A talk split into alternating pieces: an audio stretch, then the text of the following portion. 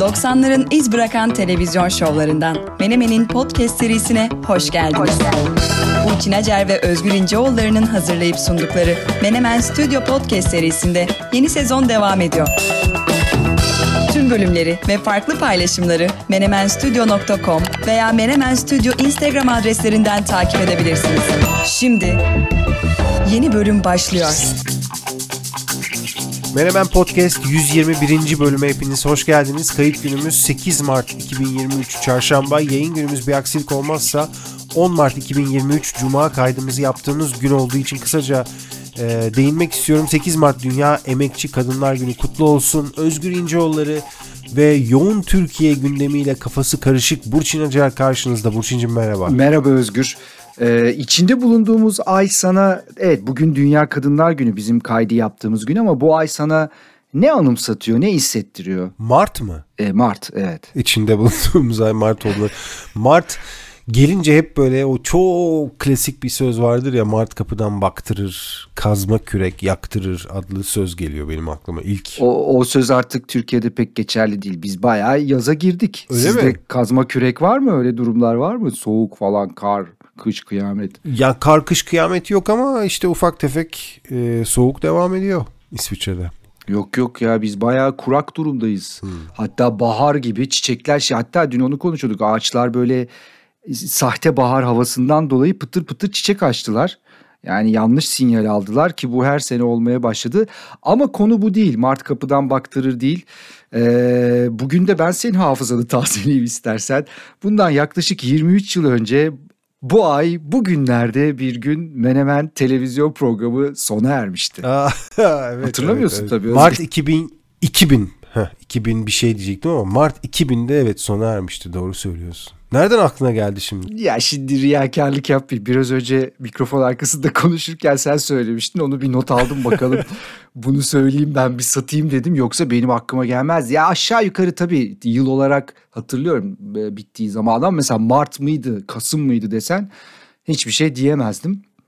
Sen hatırlatınca ama biraz daha oturdu. Evet 2000 yılı Mart ayıydı bizim televizyon ve aslında Menemen maceramızın e, o ilk döneminin bitişiydi. Evet. İşte bak yıllar sonra bir podcast olarak kaç 121'e mi geldik? 2 mi? 121. 121'e 121. geldik. Bence büyük olay. Büyük olay hakikaten öyle.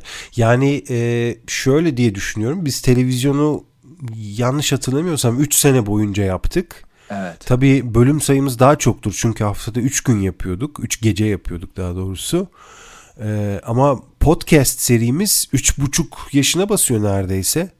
E, yani ilk kaydımızı paylaştığımız tarih de Aralık 2019.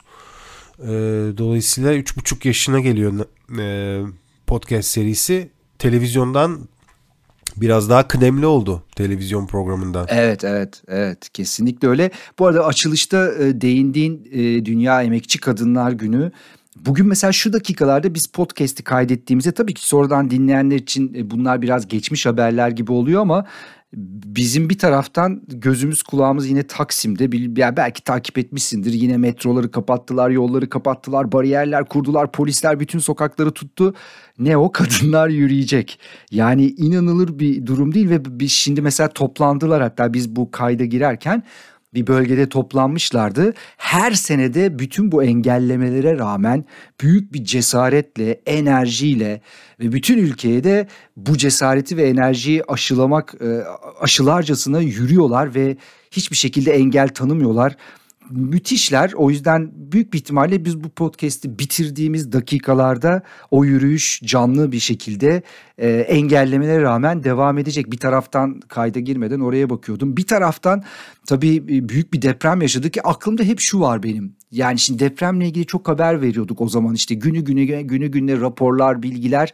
Bir tanesi kadınlarla ilgili çok çarpıcıydı ve gerçekten böyle e, e, ne olacak dediğim bir şeydi haberdi. Birleşmiş Milletler'in verdiği bir sayıydı, bir e, veriydi bu. E, 200 bini aşan 210 bin kadar hamile kadın var depremden etkilenen ve bunlardan 24 bininin bir ay içerisinde doğum yapması bekleniyor. Biz bu haberi paylaşmıştık radyoda ve işte Arzu'yla haber merkezimizden birbirimize bakıyoruz yani na, yani nasıl bir ortamdan bahsettiğimizi hepimiz biliyoruz. 24 bin doğum olması lazım. Ya bunların bir hastaneye gitmeleri lazım ya tam teşekküllü bir e, şey destek verilmesi lazım. Ve sadece 24 bini toplamda 214 bin e, hamile kadın. Ee, ve işte son günlerde oradaki hastanelerin durumunu biliyoruz. Çok acı, çok acayip haberler alıyoruz yine.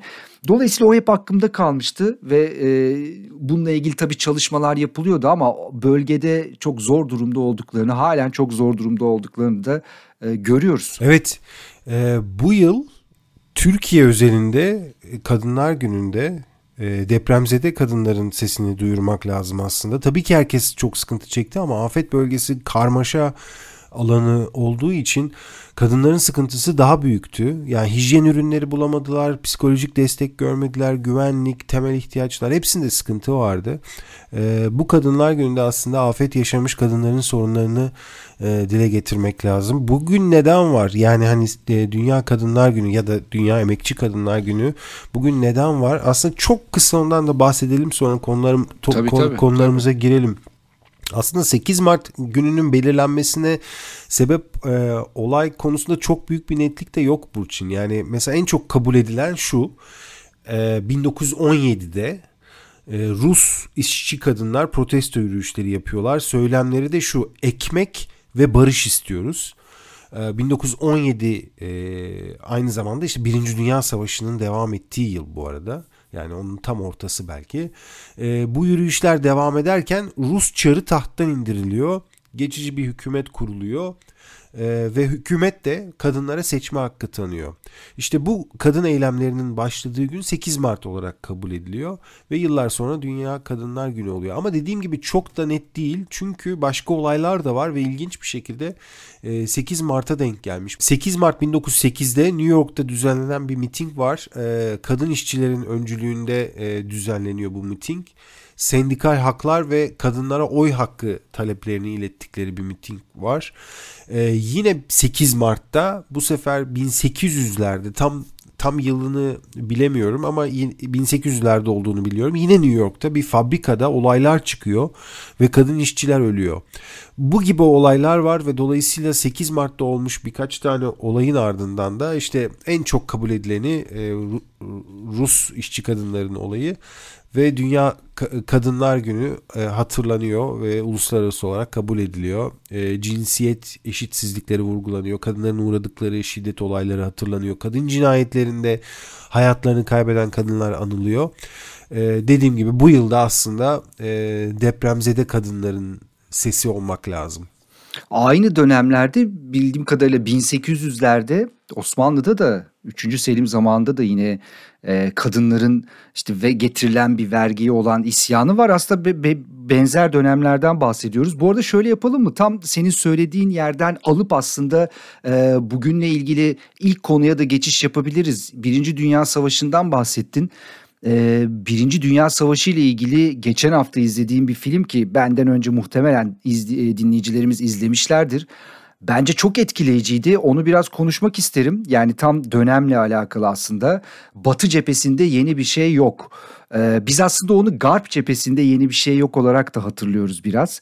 Ee, Netflix'te paylaşılıyor. Sen seyrettin mi filmi? Filmi seyretmedim. Yani başını biraz izledim ama devam edemedim filme. Peki istersen gel biraz izlenimlerimi paylaşayım. Yani tabii şimdi hani filmle ilgili böyle çok teknik değerlendirmelere girmeyeceğim ama çok etkiledi beni. Etkileyeceğini tahmin etmiştim çünkü okuduğum e, bazı e, eleştirilerde yani ne kadar çarpıcı olduğu sadece görsel açıdan değil işitsel açıdan işte hikayenin işlenişi açısından ne kadar çarpıcı olduğuna dair e, eleştiriler okumuştum. Gerçekten de öyle. E, işin tabii temeli 1929 yılında e, yazılan bir romana dayanıyor. Hemen bir sene sonra da filmi çekiliyor. Aslında Batı cephesinde yeni bir şey yok. Biraz oradan hafızamızda kalan bir isim. Oscar ödülü de kazanmıştı film. Kitabın yazarı zaten aslında Birinci Dünya Savaşı'na katılan bir asker. Ve işte o savaşın anlamsızlığı, orada yaşadıklarına dair e, yazdığı bir roman. Dolayısıyla çok etkili bir roman. Hemen arkasından yapılan film çok etkili olmuştu. Ama yıllar sonra yapılan bu film bence çok daha etkili. Çünkü teknoloji de kullanılarak yani biraz farklı teknikler de kullanılarak gerçekten savaşın ne kadar vahşi bir şey olduğunu bize net bir biçimde anlatıyor.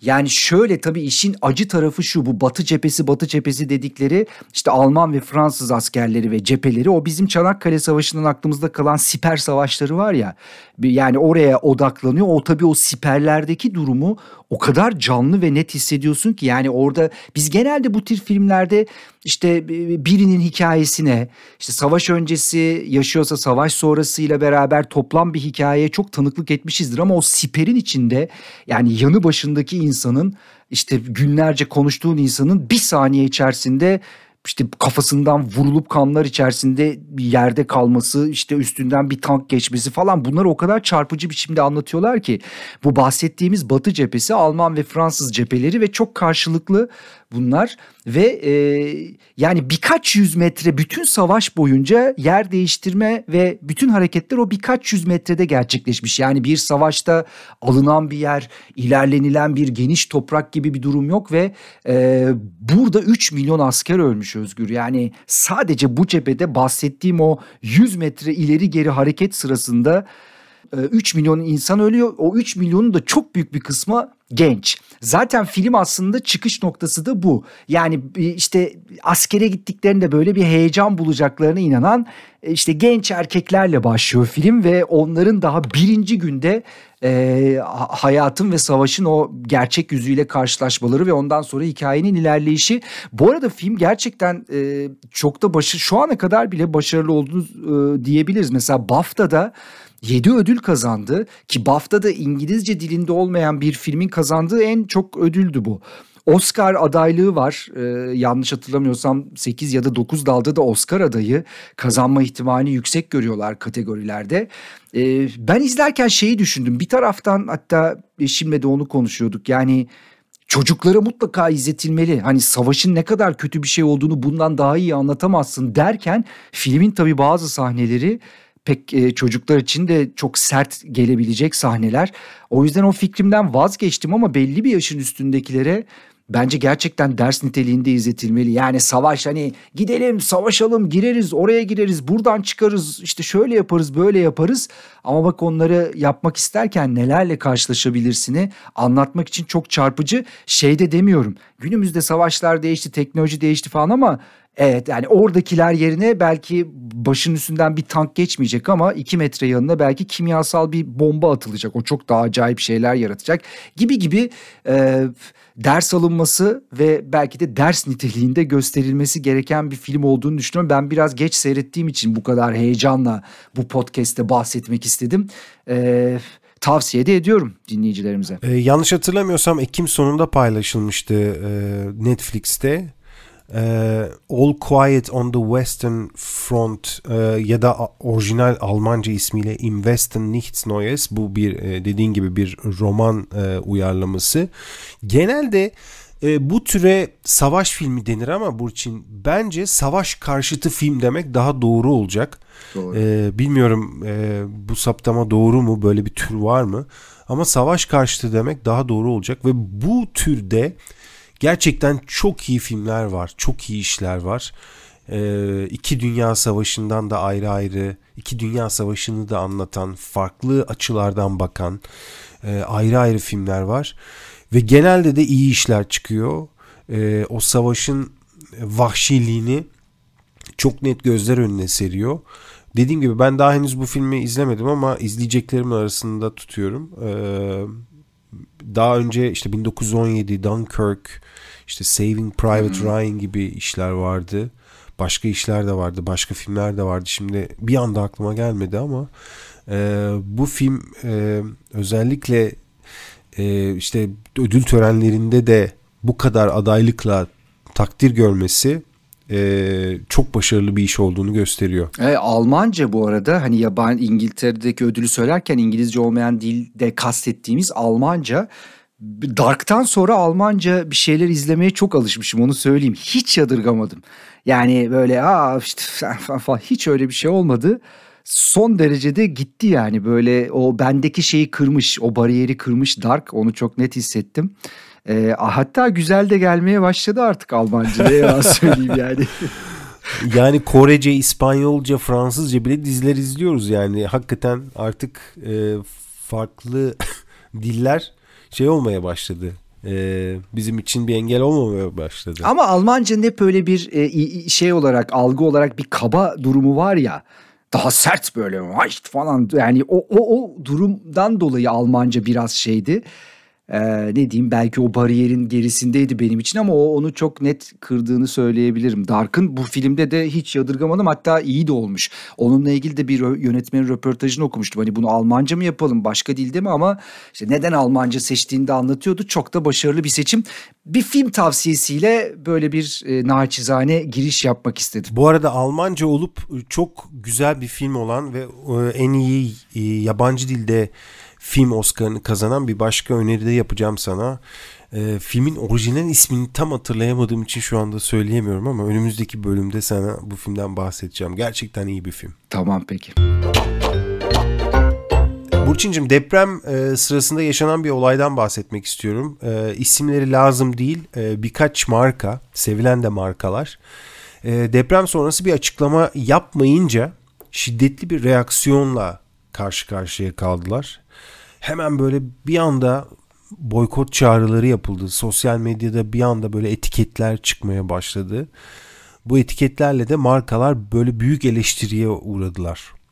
E, tüketiciler, müşteriler haklı bir, bir beklentidelerdi doğal olarak. Yani şöyle diye düşündüler diye e, tahmin ediyorum. Ben senin müşterinsem her gün işte senin markanı, ürününü kullanıyorsam ve sana kar ettiriyorsam e, sen de böyle bir afette beni yalnız bırakamazsın diye e, düşündüklerini tahmin ediyorum. E, benim gibi yani şöyle devam edilmiş olabilir düşünce e, yapısına işte benim gibi insanlar bu denli zordaysa sen de taşın altına elini koymalısın. Ee, sevgili X markası, Y markası e, yardım etmelisin ve bu yardımı ben bilmeliyim. Mesaj bu kadar açıktı, bu kadar netti e, deprem sırasında depremin birinci, ikinci, üçüncü gününde olan bir şeydi bu. Mesajı almayan marka ve şirket ha, ne olursa olsun hangi marka hangi şirket olursa olsun e, bundan önce ne kadar iletişim yapmış olursa olsun ne kadar imaj çalışması yapmış olursa olsun böyle tüketiciden kırmızı kartı gördü. E, bazı markalar böyle gerçekten sağlam bir tokat yediler. Şimdi burada e, şöyle bir tartışma olabilir. E, yapılan yardımların reklamı yapılmalı mıdır, yapılmamalı mıdır? Yapılan yardımı bas bas bağırmak da bir halkla ilişkiler çabası olmuyor mu? Böyle denilebilir, böyle düşünülebilir. Bu bir tartışma aslında. Ee, ama tüketiciler, müşteriler bilmek istiyor. Bu net, bunu anladık. Ee, dolayısıyla bunu e, duyurmayan markaları net bir şekilde cezalandırıyor. Bu e, yaşadığımız, gördüğümüz bir şey oldu. Bu yüzden tüm şirketler ve markalar da e, toplumu ilgilendiren konularda sessiz kalamayacaklarının farkına vardılar. Ee, yani bu mesaj aslında çok kritik bir mesaj. Yani zor günde benimleysen her zaman benimle olursun mesajı çok kritik, çok önemli. Ee, işte burada iyi iletişimcilik gerçekten ortaya çıkıyor. Yani iyi iletişimcilik, iyi yöneticilik, e, her şeyden daha önemlisi belki de iyi insanlık böyle hani kriz zamanlarında e, net bir şekilde ortaya çıkıyor. Hani derler ya e, Burçin şey usta kaptan dalgalı denizde belli olur diye. Öyle oldu hakikaten. Gerçekten öyle oldu. Belki burada birkaç markadan da bahsetmemiz iyi olur. Çünkü deprem bölgesine yaptıkları yardımlarla öne çıktılar ve hakikaten dalgalı denizde ustalıklarını, usta kaptanlıklarını gösterdiler. E, yani bilmiyorum herhalde bahsedebiliriz. E, reklam olmaz diye düşünüyorum. Çünkü bu yardımlarla hem öne çıktılar hem büyük beğeni topladılar e, ve birkaç markanın adı geçmeli diye düşünüyorum. Türkiye İş Bankası mesela bunlardan bir tanesiydi. Bölgeye gerçekten büyük destek verdi. Yani bölgedeki yurttaşlarımıza tabii ki destek verdi. Baykar mesela bir başka marka ya da şirket olarak öne çıktı yardım tırları ulaştırdı, konteynerlar bağışladı. LC Waikiki, Koç Holding, Aselsan gibi markalar, marka diyorum ama e, yani bu da doğru tabii ama bunlar aynı zamanda şirketlerin de isimleri. E, hem marka hem şirket ismi. E, yaptıkları yardımlarla toplumun takdirini kazandılar. Yani tabii ki birçok şirket yardım yaptı. Burada sayamayacağımız kadar çok şirket yardım yaptı. Herkes gücü yettiğince destek oldu ama e, bu markaların yaptıkları farklı bir seviyedeydi. Dolayısıyla e, işte bazı sosyal medya araştırmalarında da e, baktığım listelerde bunları gördüm. Bu markaları gördüm. Dolayısıyla ilginç bir şekilde markaların, şirketlerin e, deprem e, durumunda ya da deprem sonrasında e, yardımlarıyla öne çıkmaları e, çok konuşuldu. Bence ilk söylediğin yerden fikrimi ben de paylaşmak isterim. Bence bu yardımlar söylenmeli. Çünkü söylenmediği takdirde düşülecek durumun faturası çok ağır. O faturayı ödememek için ya da onunla karşılaşmamak için bence söylenmeli. Bu şey değil hani bizde bir şey vardır hani yardım yapacaksın ama göstermeyeceksin. Tamam normal zamanda bu çok doğru. Ben mesela şimdi normal zamanda örnek veriyorum sadece. Mahallemde bir çocuğun eğitimiyle ilgili düzenli bir yardımda bulunuyorsam şimdi ki bak bunu yapmıyorum. O şimdi biraz sonra dinleyici şey diyebilir. E o zaman söyledin. Ha böyle bir şey yapmıyorum ama yapıyor olsam ve bir gün podcast'te desem ki ya ben de işte burada işte bizim sokaktaki çocuğa da yardım ediyorum falan. Şimdi bu evet bu ayıp aslında. Hani sağ el sol el durumu var ya bizde. Bu tamam ama şu an no, bu normal bir durum değil. Çok kalabalık, çok yoğun bir dönem kaybolma yani bunların bu iletişimin bir yere ulaşmama iletişim yapmazsan hele gerçekten negatif biçimde sınıflanma şansın var. E, bu da kötü bir şey. Sonra onu üstünden atmak daha çok e, daha zor. Çünkü biri bir şey söyler, öbürü bir şey söyler. Sen onu takip edersin. Belki ha, sen o yardımları yapıyorsundur ama bu yardımı yaptığını anlattığın iletişimi izleyici, takipçi takip etmemiş olabilir. O sadece eleştiriyi görmüş olabilir. Yani bunu üzerinden atmak da zor. Dolayısıyla evet hani insanlar, kurumlar göstermek istemeyebilir ama bu böyle durumlar normal durumlar değil. O yüzden bunun düzenli iletişimi bence yapılmalı. Buradaki bence daha önemli durum yani bu iletişim yapılmalı. Dediğin gibi çok bunu çok doğru yapanlar oldu. Geç şey yapan fark edenler oldu. Hatta onlardan bazıları e, yani açıkladığında ya tamam biz hani ses çıkarmadık ama bakın şimdiye kadar şunu şunu şunu yaptık dediklerinde çok şaşırdığım markalar da oldu. Yani ya neler yapmışlar aslında dediklerim oldu ama iyi ki de o iletişimi yapmışlar. Bence daha önemlisi şu. Mesela birçok yani hani bu biraz önce saydığım markalar ve bildiklerimiz dışında hemen hemen her marka, her şirket billboard'a, gazeteye, oraya, buraya temelde şu mesajı verdiler. İşte yaraları beraber saracağız. İşte gün beraberlik günü. Beraber olacağız. Bu günleri beraber atlatacağız. Şimdi bunu herkes verdi çünkü orada bir zorunluluk da hissettiler. Yani biz hiçbir şey demezsek de olmaz. Şimdi yarın öbür gün birileri sorduğunda ya kardeşim siz ne yaptınız dediğinde e işte bak bir billboardda ilan verdik. Ne dedin orada? Yaraları beraber saracağız dedin. Ya en azından onu demiş olmak. Ama bence asıl takip burada başlamalı. Mesela bir süre sonra o billboardda yazan kimse gidip gerçekten birileri sormalı beraber sarmak için ne yaptınız? Yani o ilanı vermek de biliyorum hani bir vicdan şey oldu temizlendi ve hani bir gün sorulursa karşılarına çıkaracakları bir şey var orada. Eylem var ama ne yaptınız? Ki ben aslında şu dönem oluşan bu aktivizm ruhunun bunu yapacağını düşünüyorum. Belki de yapıyorlardır benim haberim yoktur. Hani hatırlatırlarsa onu da söylerim. Yani bu takip işi hani biz haber takip diyoruz ya bazen. Bu süreçte evet yapacağız yaraları beraber saracağız. Beraber üstesinden geleceğiz. Beraber çekeceğiz bu çileyi falan.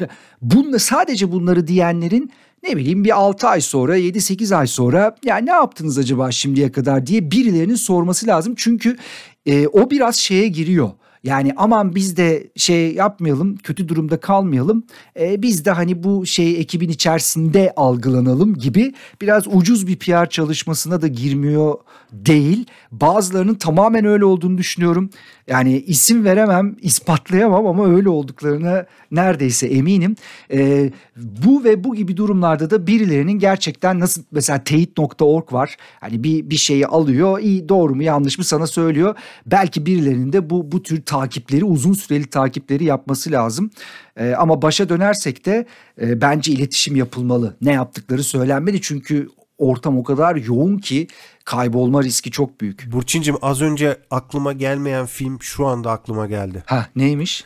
Ee, bu bu film e, Almanca orijinal ismini söylüyorum. Bu film e, 2006 yılının bir filmi. Das Leben der Anderen diye bir film. Ee, başkalarının hayatı 1980'lerde Doğu Almanya'da geçiyor. Hatta Os- Oscar ödüllü bir film. Ee, bana olur böyle bazen aklıma bir şey gelmez sonra durur durur bir anda gelir. Onu... Bu şey mi bir delikten delik diyorum bir ca- şey izleme yapan bir adam var. O bravo, mu? bravo, O değil mi? Bravo, Tamam. bravo. Evet. Sen de izlemişsin. Yo izlemiştim ama şimdi Almancasını söylesen yok izlemedim diyeceğim. Benim için D ile başlayan tek şey Die Totenhosen. yani o, o kadar. Rammstein. Rammstein ama Die, To- ya Die Totenhosen konserine gitmiştim ben ya açık havada. Düşün yani o kadar, o kadar Almanca ile köklü bir ilişkimiz vardır aslında da işte. Neyse Sev- sevmiş miydin konseri? Çok bayılmıştım. Delirmiştim ya o açık havada sahneyle en öndeki seyirciler arasında bir boşluk alan vardır ya. Şu kardeşin orada böyle bayağı pogomogo yapıyordu yani. o, o durumlardaydık. Çok güzel konserdi ama çok eskiydi. Bak o stadyum konserlerinden bile eskiydi. Neyse tamam oraya girmeyelim ama güzel. O, o filmde evet çok çok etkileyici bir film. Peki Özgür şimdi kendini bazen şöyle hissediyor musun? Bunu seninle açık açık bu podcast'te konuşabiliriz. Çünkü dinleyicilerimizin belki de büyük bir kısmı da bizimle hemen hemen aynı yaşlarda. Biraz küçük biraz büyük öyle e, düşünüyorum. Bazen böyle işte araştırmalar geliyor işte işte stream platformlarında şu kadar erişim işte şurada şu kadar satış hep böyle yaş grubu olarak yani çok kırılım var da Hani böyle bir 15-35 hadi taş çatladı bir 44'e gider bu ama ondan sonrası biraz karanlık bölgedir. O yani o, o veriler çok fazla bakılmaz. Orada böyle grafikler bir anda sönümlenmeye başlar. Böyle kendini e, bazen o karanlık bölgeye artık ben o karanlık bölgedeyim e, dediğin kendini orada gördüğün oluyor mu? En çok karanlığı şurada hissediyorum Burçin. Bazen internetten bir form doldurman gerekiyor ve yıl seçmen gerekiyor ya doğum tarihi. Evet. Böyle yılda aşağıya doğru inmen gerekiyor ya. İşte orada tam karanlığı görüyorum. Dırrrrt diye o böyle bir şey gibi akar ya evet doğru söylüyorsun. Ya karanlığı gördüğüm çok nokta var. Neyse oralara girmeyeyim ama e, ben mesela şeylerde artık çok koptum. Eskiden tabii biz de yani gençlik falan mesela biri bir e, doğum tarihi söyledi mi şak diye kafamda onun yaşı gelirdi. Şimdi mesela biri diyor ki işte 85 falan Lan kaç yaş oluyor yani onlar mesela geçen biri dedi ya abi dedi sen öyle diyorsun da 90'lar falan bugün 23 yaşında falan pardon 2000'ler bugün 23 yaş nasıl ya falan anladım böyle o şey koptu benden. Ya biri bana 89'luyum deyince 99'luyum deyince hop diye kaç yaşında olduğu şeyi benden iyice koptu. Ben 70'lerde biraz 80'lerin başında durdu bende o iş. Ee, bunu niye sordum sana? E, bu şimdi istatistiklerde ve kırılımlarda artık bizlerin yaşları biraz işte o, o karanlık bölge ötelenmiş bölgede gözüküyor. Çok da fazla etki sahibi olmayan bir yaş grubu aslında 44'ten sonrası. Ama bütün bu ezberi bozacak bir araştırma var. Müjdeler olsun diye bu araştırmayı sunmak Oh be istiyorum. bunlarla gel Burçin. Evet evet biraz moralimiz yerine gelsin. Şöyle bir şey aslında çok da ciddi yani bayağı uzun bir bir yazıyı da okudum. Ee, aslında temel çıkış noktası su, şu. Yani daha yaşlı dinleyiciler bizim gibi işte yani 10, 15, 12, 20'lerde olmayan e, bu akış dediğimiz şey yani stream platformlarında yapılan dinlemeleri işte bu nedir? Müzik dinlemesi, podcast dinlemesi, sesli kitap dinlemesi bu dinlemeleri büyütebilecek şu anda yeni alan ve yeni potansiyel bu yaştakiler yani işte o 44'ten sonra başlayan yaş kesimi çünkü diğer kesimler için ciddi bir doygunluk alanına ulaşılmış. Yani şöyle bir kabaca bak birkaç tane e, istatistik vereyim o doygunluk alanının ne olduğunu daha iyi anlatabiliriz. Mesela akıllı telefon ulaşımında Amerika'da nüfusun %91'inde akıllı telefon var. Birçok ülkede de çok yüksek oranda bu. Sosyal medya kullanımı e, neredeyse nüfusun yani işte yüzde 82'si ve yüzde 82 85 bu arada gidip geliyor. Birçok ülkede de böyle Türkiye'de de çok yüksek. E, çevrim içi ses dinleme yani bu sesin içinde müzik de var, podcast de var, sesli kitap da var. Neredeyse %75'e hatta %80'lere yaklaşan bir durumda. Yani doygunluk alanında ulaşıldı. Şimdi nerede büyüyecek bu bu arkadaşlar? Bu streamciler, bu akışkanlık e, şey peşindeki kurumlar nerede büyüyecek sorusu böyle löp gibi ortada duruyor. Gelsinler bize. Gelsinler biz onları gayet sempatik ve sıcak karşılarız ama gerçekten de öyle. Çünkü mesela bak şimdi bu biraz önce dedim ya aylık çevrim içi ses dinleme %75-80'lerde bu oran 44-55 falan bu yaş grubunda henüz %50'lere ancak varabildi. Yani potansiyel var burada. Diyor ki kurumlara bakın buraya yükseltebilirsiniz ama siz burayla hiç ilgilenmediniz şimdiye kadar. Gerçekten de öyle. Burası hiç ilgilenilmemiş bir bölge. Ee, başka karşılaştırmalar yaparak da hemen hemen aynı sonuçlara ulaşabiliriz. Ee, oradan da birkaç tane örnek vermek isterim. Mesela podcastler. Podcast'te tabii bu Amerika verileri ama birçok ülkede de yani Türkiye'yi de bazıları değişik ama birçok e, ülkede Avrupa ülkesinde durum böyle. Haftalık podcast dinleme oranı 2022'de yüzde... E, 33'lerden yani bir önceki yıl %33'lerde %40'lara ulaştı 12-34 yaş arasında. %40'lara haftalık podcast dinleme. 35-40 35 54'te de 39'a yükseldi, %39'a yükseldi. 54'ten sonra henüz daha %14'te. Yani hem 35-44'te hem de 55 yaş üstünde çok ciddi bir ilerleme potansiyeli var. Dolayısıyla mesela bu sadece podcast için söyleyebileceğimiz bir veri. Bunun gibi işte dediğim gibi aylık dinlemelerde, sesli kitap dinlemelerinde vesaire bunların hepsini görebiliyoruz. Şimdi tabii bu böyle biraz züğürt tesellisi gibi de şey yapılabilir, algılanabilir. Ya bırak Burç'u bu işleri denilebilir ama e, yani akıllı bakacak yöneticiler için gerçekten burada potansiyel var. Mesela yani 40 yaş 45'ten sonra 50'lerde falan podcast dinlenmez mi? Bence dinlenilir. Ama ona göre tabii bir üretim yapmak lazım. Reklam kampanyasını ona göre çeşitlendirmek lazım. Mesela bak buna eşdeğer bu verilerde olmayan başka bir şey söyleyeyim ben sana. İngiltere'de radyo dinlemeleri tüm zamanların en üst noktasına ulaşmış durumda. Yani hani Covid, Movid falan bunların hepsini geçtik. Bütün İngiltere'de radyoculuk tarihinin şu anda en yüksek radyo dinlemeleri gerçekleşiyor ve burada ön plana çıkan bazı radyolar var. Bir tanesi Greatest Hits radyosu. Yani isminden de anlaşılabileceği gibi Greatest Hits çalıyor. Ve şu an İngiltere'nin en parlak radyolarından bir tanesi. Bir diğeri de Boom Radio. Yani boomerların radyosu. Gerçekten öyle ve çok dinleniyorlar. İşte DJ'leri boomer, e, muhtemelen dinleyicileri boomer ama çaldıkları müzikler nefis onu söyleyeyim. 70'ler, 80'ler falan 90'lar harika işler yapıyorlar. E, İngiltere çok yüksek dinleme oranına ulaştılar. Hatta böyle e, bazı DJ transferleri oldu BBC'den bu radyolara. Ciddi meblalar ödendi bu DJ'lere. Yani aslında genel olarak bu yaş kesiminin dinlediği müzik, yer aldığı platformlar o kadar da atıl, o kadar da karanlık bölge değil aslında. Tabii bu keşfetmek isteyene. Bilmiyorum artık buradan mesajı verelim evrene. Bu arada boomer dedim bir arkadaş benim için ekşi sözlükte özgür boomer oğulları demiş. Öyle yazmış.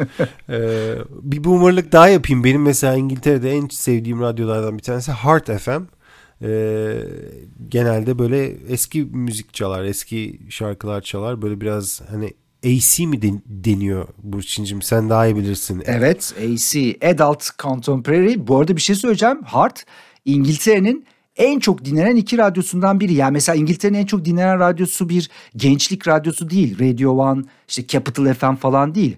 Ya Heart'tır ki genelde Heart'tır ya da BBC Radio 2 bu ikisi arasında gidip gelir. Yani dinlediğin radyo İngiltere'nin en çok dinlenen radyosu. Rahat ol Özgür hiç. Rahat ol. Hiç.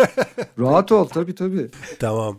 Burçin'cim e, bu bölümümüzde bir podcast önerisi yapmak ve bir de buna bak demek istiyorum. Hadi bakalım. Ama ondan önce bir sorun var. Müsaade var mı? Lütfen. Ee, soruma geçmeden önce bir e, giriş yapayım. Ee, geçtiğimiz bölümde ikinci Power Podcast ödüllerini konuştuk. Hatta sonradan da birkaç tane de mesaj aldık. Ee, hatta Özge sordu mesela o bahsettiğiniz podcastlerin listesi var mı diye. Onu yolladık ona. Ee, şimdi senden de ödül töreninin detaylarını aldık. Kazananları tebrik ettik. Tören için çalışanlara teşekkür ettik. Ben de birkaç soru sormuştum sana. Ee, sen de teşekkür ederim detaylarıyla anlattın. Sohbet sırasında e, röportaj podcast'i diye bir kategori var mı, olmalı mı diye de tartışmıştık hatırlıyorsan. Doğru evet. Ee, sen dedin ki bu tür gelişen bir tür e, ve önümüzdeki senelerde belki de bir ödül kategorisi bile olabilir dedin başlı başına. Hı hı. Ee, bir başka tür soracağım sana. Sorum da zaten bu. Ee, belgesel podcast'i diye bir tür var mı? Bir alt tür olarak var bazı platformlarda. Yani e, işte bazılarında diziler, filmler, belgeseller gibi böyle bir toplama türler var. Yani işte izlemeyle alakalı e, ve belgesel olarak bir alt tür olarak yer aldığı platformlar var. Ama şey gibi değil tabii. İşte bilim, teknoloji, toplum kültür, işte komedi gibi böyle baskın ve başat bir tür değil henüz. Evet. Yani popüler kültür işte toplum kültür diye sınıflandırılan bazı podcastler var ve onların bir kısmı aslında belgesel podcast'i gibi geliyor bana. Mesela örnek vereyim ortamlarda satılacak bilgi aslında bir belgesel podcast'i gibi geliyor. Yani öyle sınıflandırılabilir diye düşünüyorum. Ee, popüler kültürden daha çok bir belgesel podcast'i gibi sınıflandırılabilir. Şimdi e, son zamanlarda çok severek dinlediğim bir podcast var. E, ondan bahsetmek istiyorum. Podbee e, medya e, podcast ağının işlerinden bir tanesi. İsmi Bilgisel. Hı hı. E, yapımcısı ve sunucusu da Ali Yağız Baltacı. E, gazeteci ve televizyoncu kendisi. E, yakın geçmişten çok güzel konuları alıyor ve çok güzel işliyor. Kendine özgü de bir tarzı var, kendine özgü bir anlatımı var. Ee, siyaset dünyasından mesela isimler var. Ee, işte bazı o isimlerin, bazı partilerin, bazı düşüncelerin, hareketlerin hikayeleri çok başarılı. Sonra spor dünyasından e, çok değişik hikayeler var. Mesela Maradona'nın 1990 kupası hikayesi. Çok çok güzel gerçekten. Veya Novak Djokovic'in işte çocukluğundan başlıyor zirveye ulaşma hikayesi. Çok iyi. Bence çok iyi bir iş. Çok nefis bir iş. Kendisini tanımıyorum ama buradan e, teşekkür etmek istiyorum. Başarılarının devamını diliyorum. Ee, bir tane daha belgesel serisi keşfettim. Belgesel diyorum yani belgesel podcast'i olarak görüyorum. O yüzden öyle diyorum ama belki kendini başka türlü sınıflandırıyor olabilir. Ee, Aposto Radyo'nun bir işi bu da e, parlamento yakın geçmiş. E, yani böyle yakın tarihe ilgi duyanlar için ilginç geleceğini düşünüyorum. 1946 yılında e, gerçekleşen ilk e, çok partili e, seçimden günümüze Türkiye'nin siyasi tarihini konu alıyormuş. Dediğim gibi henüz bunu da dinlemedim. Ama e, dinleyeceklerim arasında e, yerini aldı. Ee, aslında biliyorsun mesela ilk çok parti denemesi Atatürk zamanında oluyor. Serbest Cumhuriyet Fırkası ama muhalefet fikri e, maalesef başarıya ulaşamıyor o dönem. Sonradan e, ortaya çıkıyor. Tabii ki içimiz dışımız siyaset oldu, partiler oldu, partilerin gelişmeleri, e, oradan oraya geçmeleri vesaire onları derseniz de başka podcastler önerebilirim tabii ki. Çok daha farklı e, türlerde çok güzel işler var.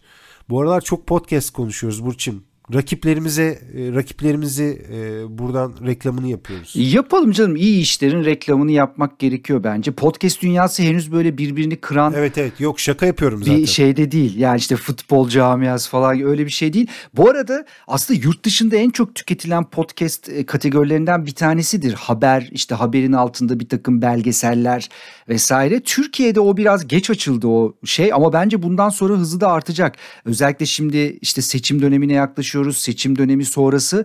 Bu tür podcastlerin sayısının artacağını düşünüyorum. Aposto zaten bizden ödül alan ekiplerden bir tanesiydi geçen sene. Çok da iyi iş e, çıkarıyorlar ve sürekli de gelişiyorlar e, verdiğin örnekler çok yerinde bunların çok artacağını düşünüyorum. Hatta bizim de işte ya dedik ya bir kere biz de siyaset konuşalım ya falan diye bir, bir siyaset konuşmuştuk. Bilmiyorum belki biz de böyle bir yan ürün olarak bir spin-off olarak bir e, haber siyaset gündem podcast'i yapmayız galiba. ya şeyleri özlüyorum Burçin. Neleri? İstek parçalarımı öz- ya, özlüyorum. sorma ya. O kanayan yara ya. Bak içimi şu anda cız ettirdin yine. Cız cız cız ya. yani. Ya. Aşacağız bunları Özgür. Hepsini aşacağız ya. Her şey güzel olacak. Sen merak etme. Rahat ol. Peki. İçin peki. rahat olsun. Hatta şu anda mesela isteseydim parça hazır. Ne isterdin? Parça hazır kafamda ama söylemem. Şimdi şey olmasın. Ayda. E, tabii canım. Tamam kapatalım mikrofonu öyle söyle. Tamam sana söyleyeyim. Tamam. Peki bizi dinlediğiniz için teşekkür ediyoruz. 121. bölümün sonuna geldik. Bir sonraki bölümde tekrar buluşmak dileğiyle. Hoşçakalın. Görüşmek üzere.